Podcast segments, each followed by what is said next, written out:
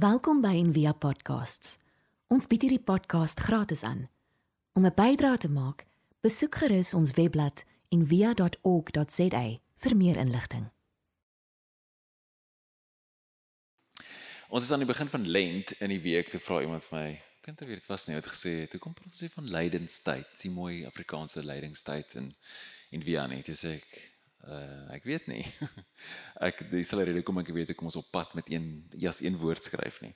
Uh so Lent is die tyd die oploop tot Paasfees.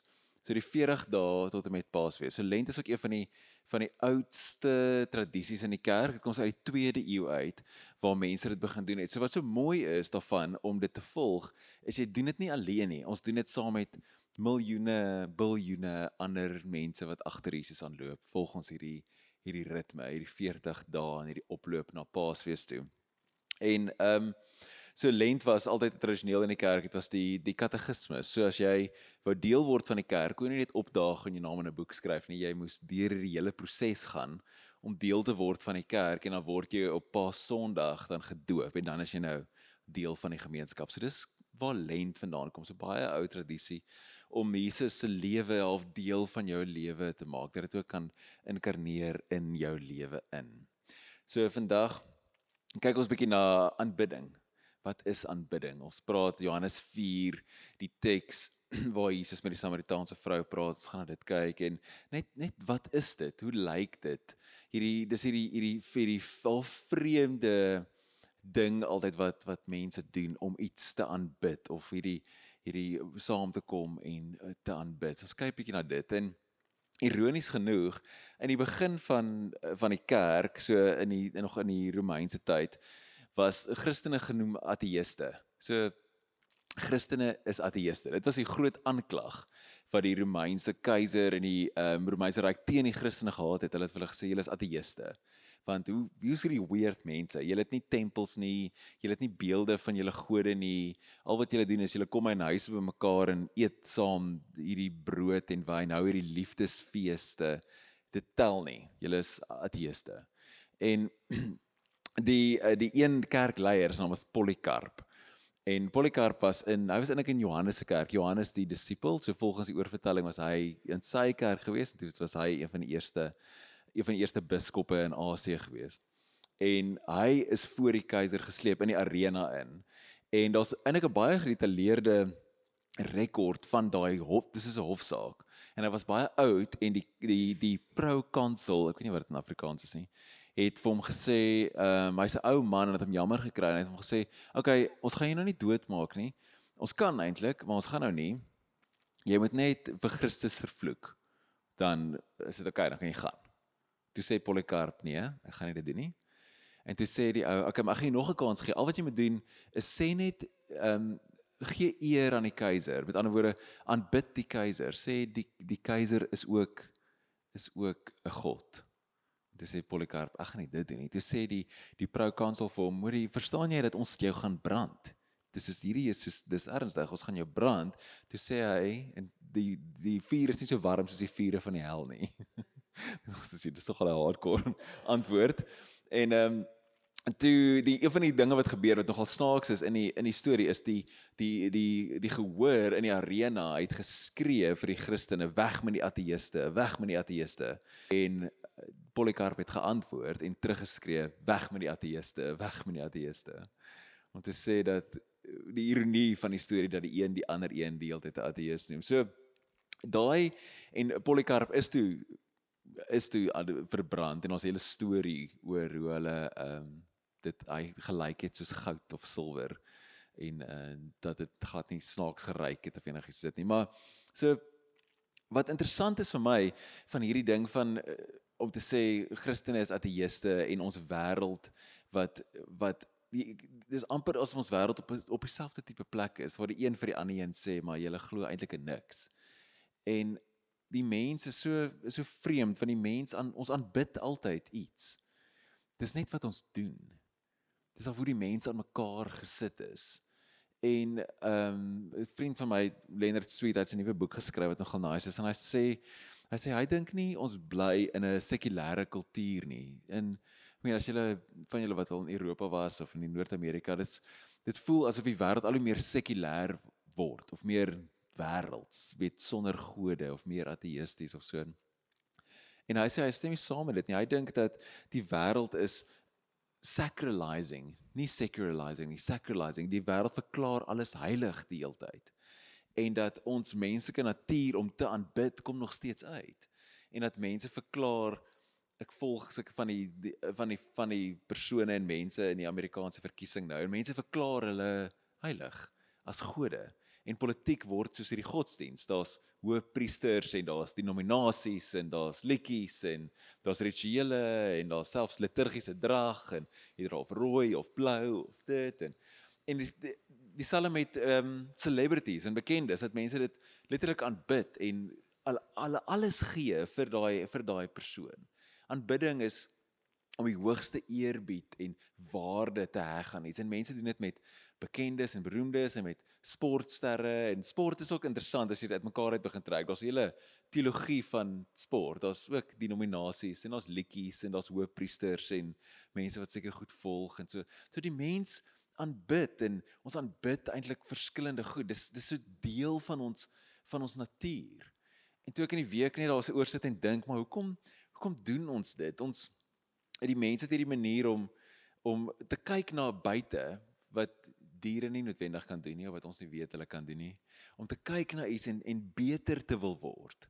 Om iets op te lig en te sê Jesus ons wil ons wil vorentoe gaan. Ons wil wees soos daai soos daai persoon of soos soos daai mense. Ons wil dit doen. En dan begin ons dit vereer. Ons sit dit op die cover van 'n magazine en ons dink dis awesome en oulik. En ons wil soos dit word. Dit word soos al vir hierdie hierdie doel. Ons ons maak dit ons held.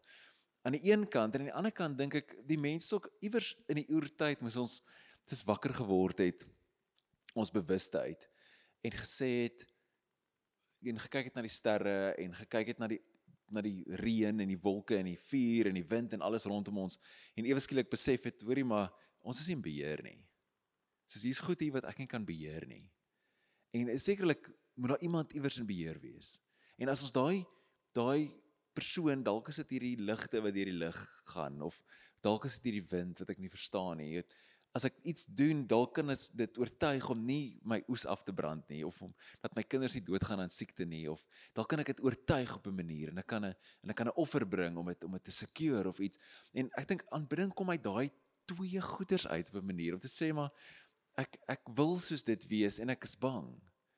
Ek wil nie hê hierdie moet met my gebeur nie. En die die feit is dan net dat dit maak nie saak waar die oorsprong en die rede is nie. Mense aanbid. Alle mense doen. Daar is nie eintlik enige ateëste nie. Almal het gode. En dit voel vir my baie keer as daai in Paulus waar hy in Athene ingaan met Atheners praat en hy sê vir hulle ek sien julle dien baie gode.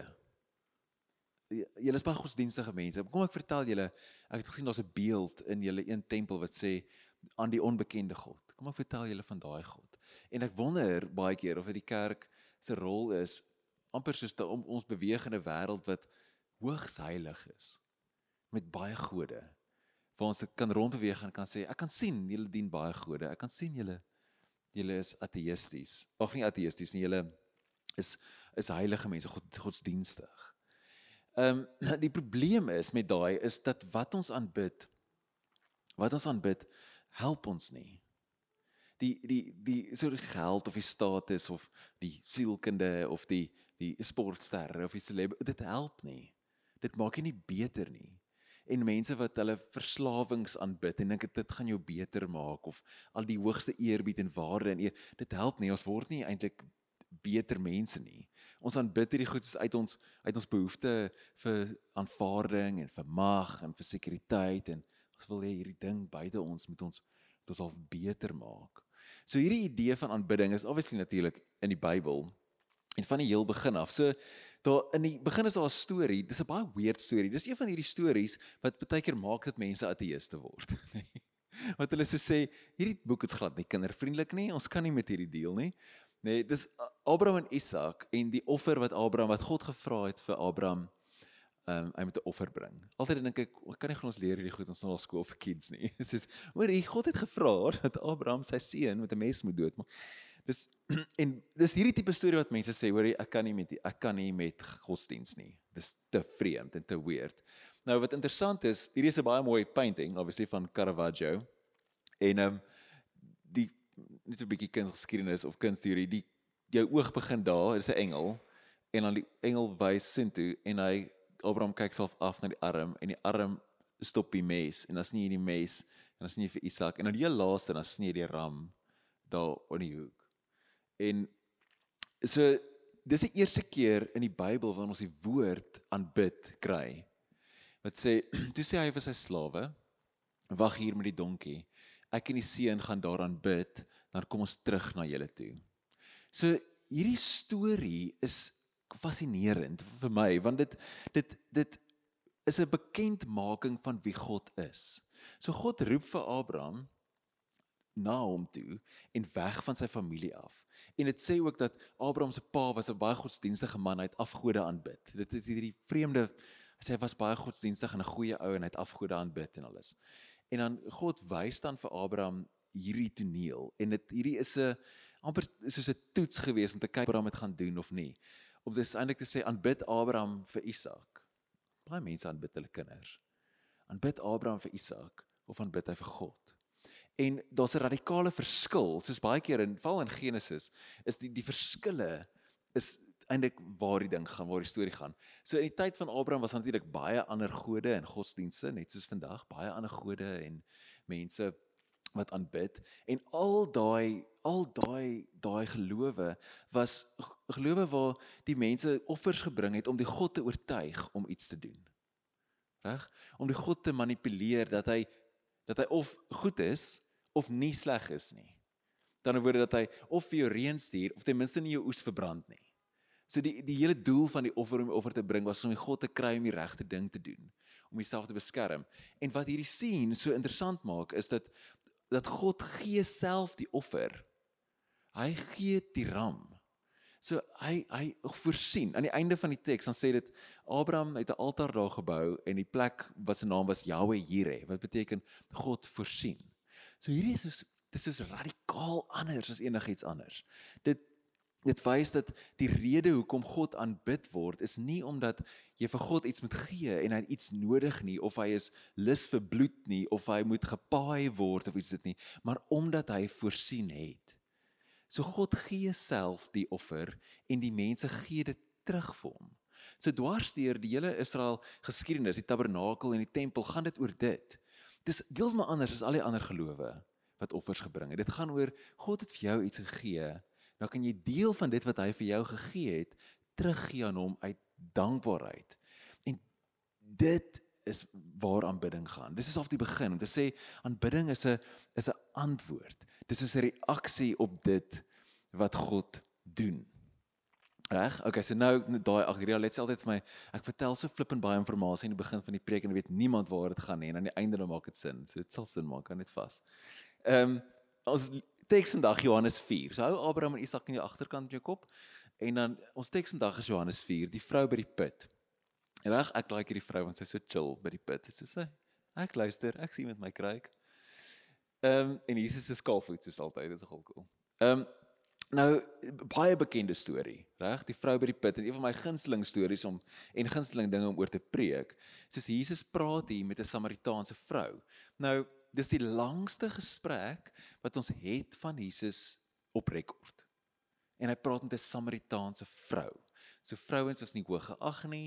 Die Jode en die Samaritane het heeltyd beklei. Samaritane was gesien deur Jode as hierdie verbaster met hierdie halfgemengde geloof en hierdie weird tempel en hierdie weird gebruike wat hulle ingebring het wat nie so dit was skeiding.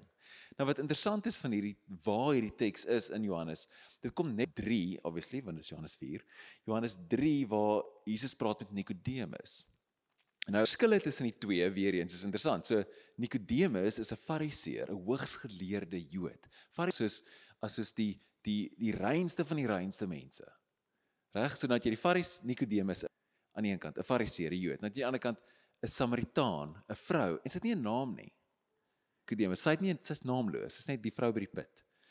En dan het jy Nikodemus kom in die nag. Maar sy kom in die middel van die dag. So in Johannes Evangelie is heeltyd lig en donker. Speel dit so tema in die lig natuurlik die redding en die donker natuurlik die nie redding of duisternis of te mekaar. en dan die van Nikodemus, dan's hy die mekaar. Hy verstaan nie wat Jesus sê nie. Hy moet deeltyd vir hom goed oor en oor verduidelik. Dan sê vir hom: "Verstaan, die weergebore beteken nie jy moet weer in jou ma ingaan nie. Dit beteken gees en water en dan in Nikodemus niks." En teen die einde van Johannes 4 verstaan hierdie vrou. Sy vang dit. Erken dit en sy gaan vertel vir ander mense, hoorie ek het ek hierdie Messias gesien. So daar's radikale verskille tussen hierdie twee stories. Nou wat die die tradisionele interpretasie van hierdie storie het ek so 'n baie groot probleem mee want dit sal sê dat Jesus sê vir haar dat sy het sy het 5 mans gehad. Nê? Nee, hy praat met haar hele storie oor lewende water wat uit jou binne-eiste uit gaan vloei en ek kan dit vir jou gee en so en dan sê hy op 'n stadium vir haar gaan gaan roep jou man. Nê? Nee? En dan antwoord sy, sy sê die vrou het hom geantwoord ek het nie 'n man nie. En Jesus sê vir haar Dit is reg wat jy nou gesê het. Ek het jy ek het nie 'n man nie. Jy het reeds 5 gehad. En die een wat jy nou het is nie jou man nie. Jy het die waarheid gepraat. Nou baie keer sal mense sê dat ehm um, die vrou was sy was bietjie dit was 'n egbreker, nê? Nee? Of sy was 'n losvrou gewees of selfs van die kommentators sal so ver gaan en sê sy was 'n prostituut, nê? Nee? Nou die probleem met daai is die teks sê dit nie. Jesus sê nie na dit vir haar hoor jy hou op Sondag nie, soos hy vir al die ander egbreekers sê nie. Hy hy antwoord haar. Hy hy antwoord haar en hy sê jy het die waarheid gepraat. En dan antwoord sy en sy sê die vrou het hom gesê meneer, ek sien dat jy 'n profeet is. Nou hierdie en op hierdie vers, hierdie vers 19 is waar die hele teks draai. Is as jy as jy die ou interpretasie vat van sy was 'n slegte vrou, dan maak hierdie zero sin. Want al wat dit dan is, is sy wat soos, "Ooh, awkward. Okay, kom ons praat iets anders." nee. Nee, dit is al dit is al verduideliking wat dit dan het. Maar daar's iets anders hier aan die gang. So dat dat Jesus vir haar gesê het jy het jy het reeds 5 gehad en die man wat jy by nou bly is nie jou man nie. Kan dalk heel moontlik wees, soos ek in die verlede ook al gesê het, dat sy al 'n paar keer geskei is. En 'n vrou kan nie skei van 'n man nie, 'n man kan net skei van 'n vrou in die antieke tyd. Sy kon dalk nie kinders kry nie, dan skei almal haar die hele tyd. Of al haar mans is dood. Mense was siek in die ou tyd. Al haar mans het dood gegaan. Reg? En nou bly sy by die man wat nie haar man is nie. En daar's 'n wet in Levitikus wat sê dat as jou as jy man doodgaan, dan moet die vrou by die broer gaan bly. En sy kon nou al so by die ranks afgegaan het dat sy is nou by die jongste broer. En hy is nie regtig met haar getroud nie, maar hulle het haar die vrouens hanteer so slawe van die vorige man nou, want dit is nie regtig deel van die familie nie. So sy die kans dat sy pretty crappy lewe het is baie baie goed. En Jesus sien dit. En hy sien haar. En sy dan respond op dit en sê ek sien jy's 'n profeet.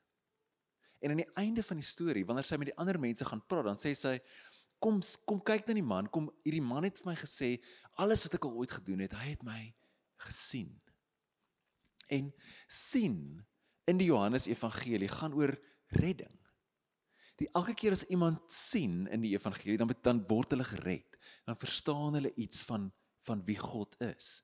En ook in hierdie verhaal is dit sy sien, sy sê ek sien dat jy 'n profeet is. Soos byvoorbeeld die ehm um, Johannes 9, dan sê die man wat blind gebore is en Jesus maak hom gesond en dan sal hierdie dis amper hierdie ironiese hilarious scene waar die fariseërs en die wetgeleerdes met hom praat en sê maar was jy nie blind nie? Was jy nie blind nie? Hoe kan jy nou sien? En dan maar ons kan nie sien dat jy kan sien nie. Dis soos hierdie heen en weer en die, as jy dit lees, die ironie is, hulle is blind. Hulle sien nie. Maar hy kan sien. En dan antwoord hy hierdie dan sê hy, een ding weet ek, ek was blind en nou sien ek. Dit is die beste line ever. Dis al wat ek weet. Een ding weet ek, nou is ek blind en nou sien ek, maar hulle kan nie sien nie. So sien gaan oor redding.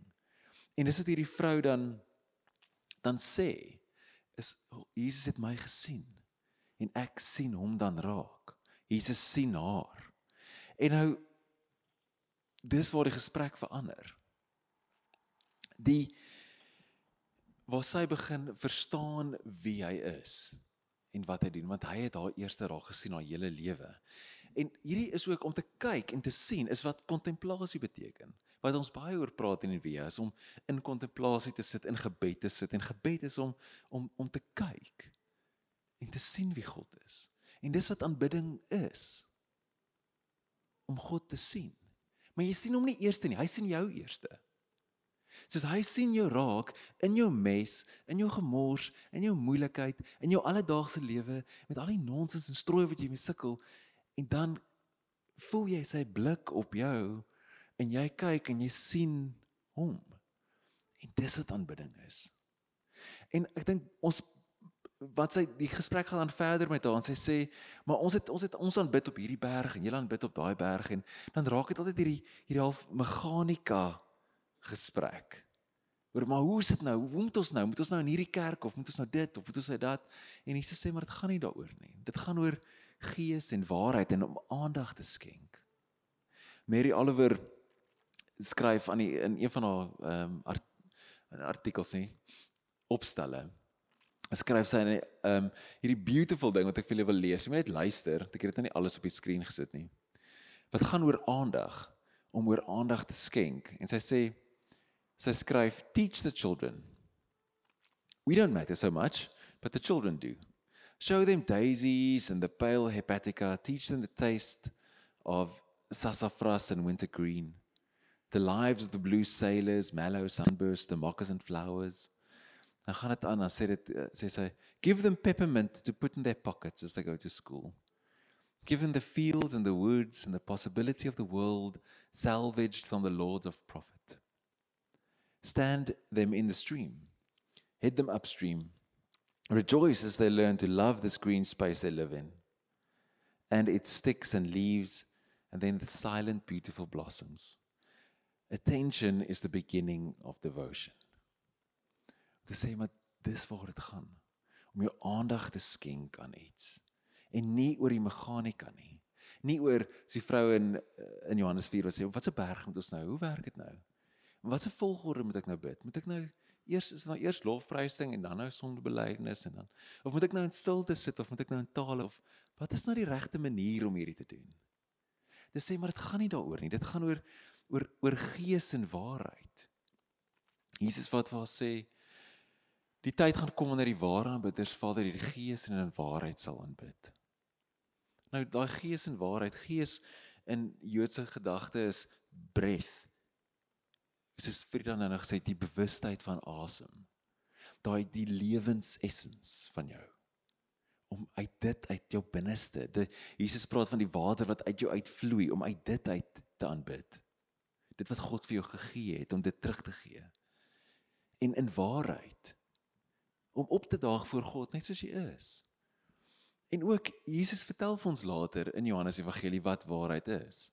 In Johannes 14, hy sê ek ek is die waarheid. Om in hom en in die Gees te aanbid. So ek daai is die dis die uitnodiging om terug te kyk na God in dankbaarheid. Aanbidding is 'n reaksie. Om te weet jy as as iemand vir jou kyk, jy sou daai ding gevoel, iemand kyk vir my. Voel jy iemand kyk vir jou? Dan kyk jy om en sien jy iemand kyk regtig vir jou in die bank se ry of wat ek al nie. Wie ook al in die bank se ry nog staan, hè. Voel jy kyk en en dis wat dit is. Jy voel God se blik op jou en ek dink hy kyk vir ons almal die hele tyd. En op 'n stadium is daar kans jy kan terugkyk. Uit dankbaarheid uit. Meester Eckhart het gesê the only prayer you ever say is thank you it'll be enough. Want dis wat hierdie storie eindig met hierdie vrou wat uitgaan en sy los haar kruik. Die teks sê sy los haar kruik net daar en sy gaan terug en gaan sê vertel vir almal. En sy wat sy vir hulle gaan sê is hierdie man het my gesien in my alledaagse in my gewone het hy my gesien in my moeilikheid en my stryd. En die die goeie nuus is dis iemand wat vir ons lief is net waar ons is soos ons is en wat vir ons die lewe wil gee. So die uitnodiging hier is is nie of jy moet aanbid of nie. Jy doen reeds. Die vraag is net wat. Dit is nog wat kyk jy? Op wat is jou hoop? Wat gee jy die hoogste eer en eerbied? Die uitnodiging is om te kyk en te sien hoe God al reeds na ons kyk. En om en om alles te los, ons kryke en ons ander gode en dit ons te los en te kyk na die een God, die een wat voorsien, die een wat ons raak sien. Want daar's lewe daar. Daar's lewe by Jesus. Hy sê dis die ek is die een wat die water gee. Die een wat dit uit jou uit laat vloei. Hy is die een God. En wanneer ons na hom draai, dan kom die lewe uit. Omdat hy ons liefhet, omdat hy ons red, omdat hy die een is wat alles uit ons uit laat vloei. Bidding is 'n antwoord. Dis 'n antwoord op God se blik, op sy genade, op sy liefde. Ek wil net afsluit met hierdie gedig van Augustinus. Dis in die boekie ook vir die week, want dit sê dit so mooi dat God is die een wat begin en ek antwoord op dit. Dit you called, you shouted and you broke through my deafness. Ashed, you shone and you dispelled my blindness. You breathed grace on me. I drew in breath and now I pant for you. Tasted you. Now I hunger and thirst for more. You touched me, burned for your peace. So ek wil jou uitnooi vir dit. En tydens lent het ons ook uh, we doen ons practices en een van die grootes is vas om iets op. Want vas wys vir ons aan wat ons vas is, aan wat wat ons eintlik om te aanbid in die kleine. So ek wil jou uitnooi as jy nog nie iets gekies om te vas nie, ons het inskrywings ook. Nee, ek kies iets. Kies wat ook al, alkohol of suiker of koffie of wat ook al jy wil opgee vir lent. Want daai aan wat wat fokus ek my aandag eintlik op? En dan hoef jy nie op 'n Sondag te vas nie. Sondags opstaan en kry af op 'n Sondag. Die res van die week moet jy vas. So ek wil jou uitnooi om my practice te doen. Dis goed. So kom ek bid vir ons so. Dankie Here Jesus dat U vir ons goed is. Dat U die een is wat al vir millennia van die begin af na ons kyk. U oog nooit van ons af is nie dat U ons altyd sien. Here en vergewe ons wanneer ons nie nie terugkyk nie. Wanneer ons U nie raak sien nie. Dankie dat U dat U saam met ons is. Here, dankie help ons om ons aanbidding en ons eer te fokus op U en U alleen. U is die een wat lewe gee. Vir die lewende water uit ons binneste laat vloei. Ons loof U naam. Amen. Ons hoop van harte jy het hierdie podcast geniet of raadsaam gevind. Besoek gerus en via.ok.za vir meer inligting.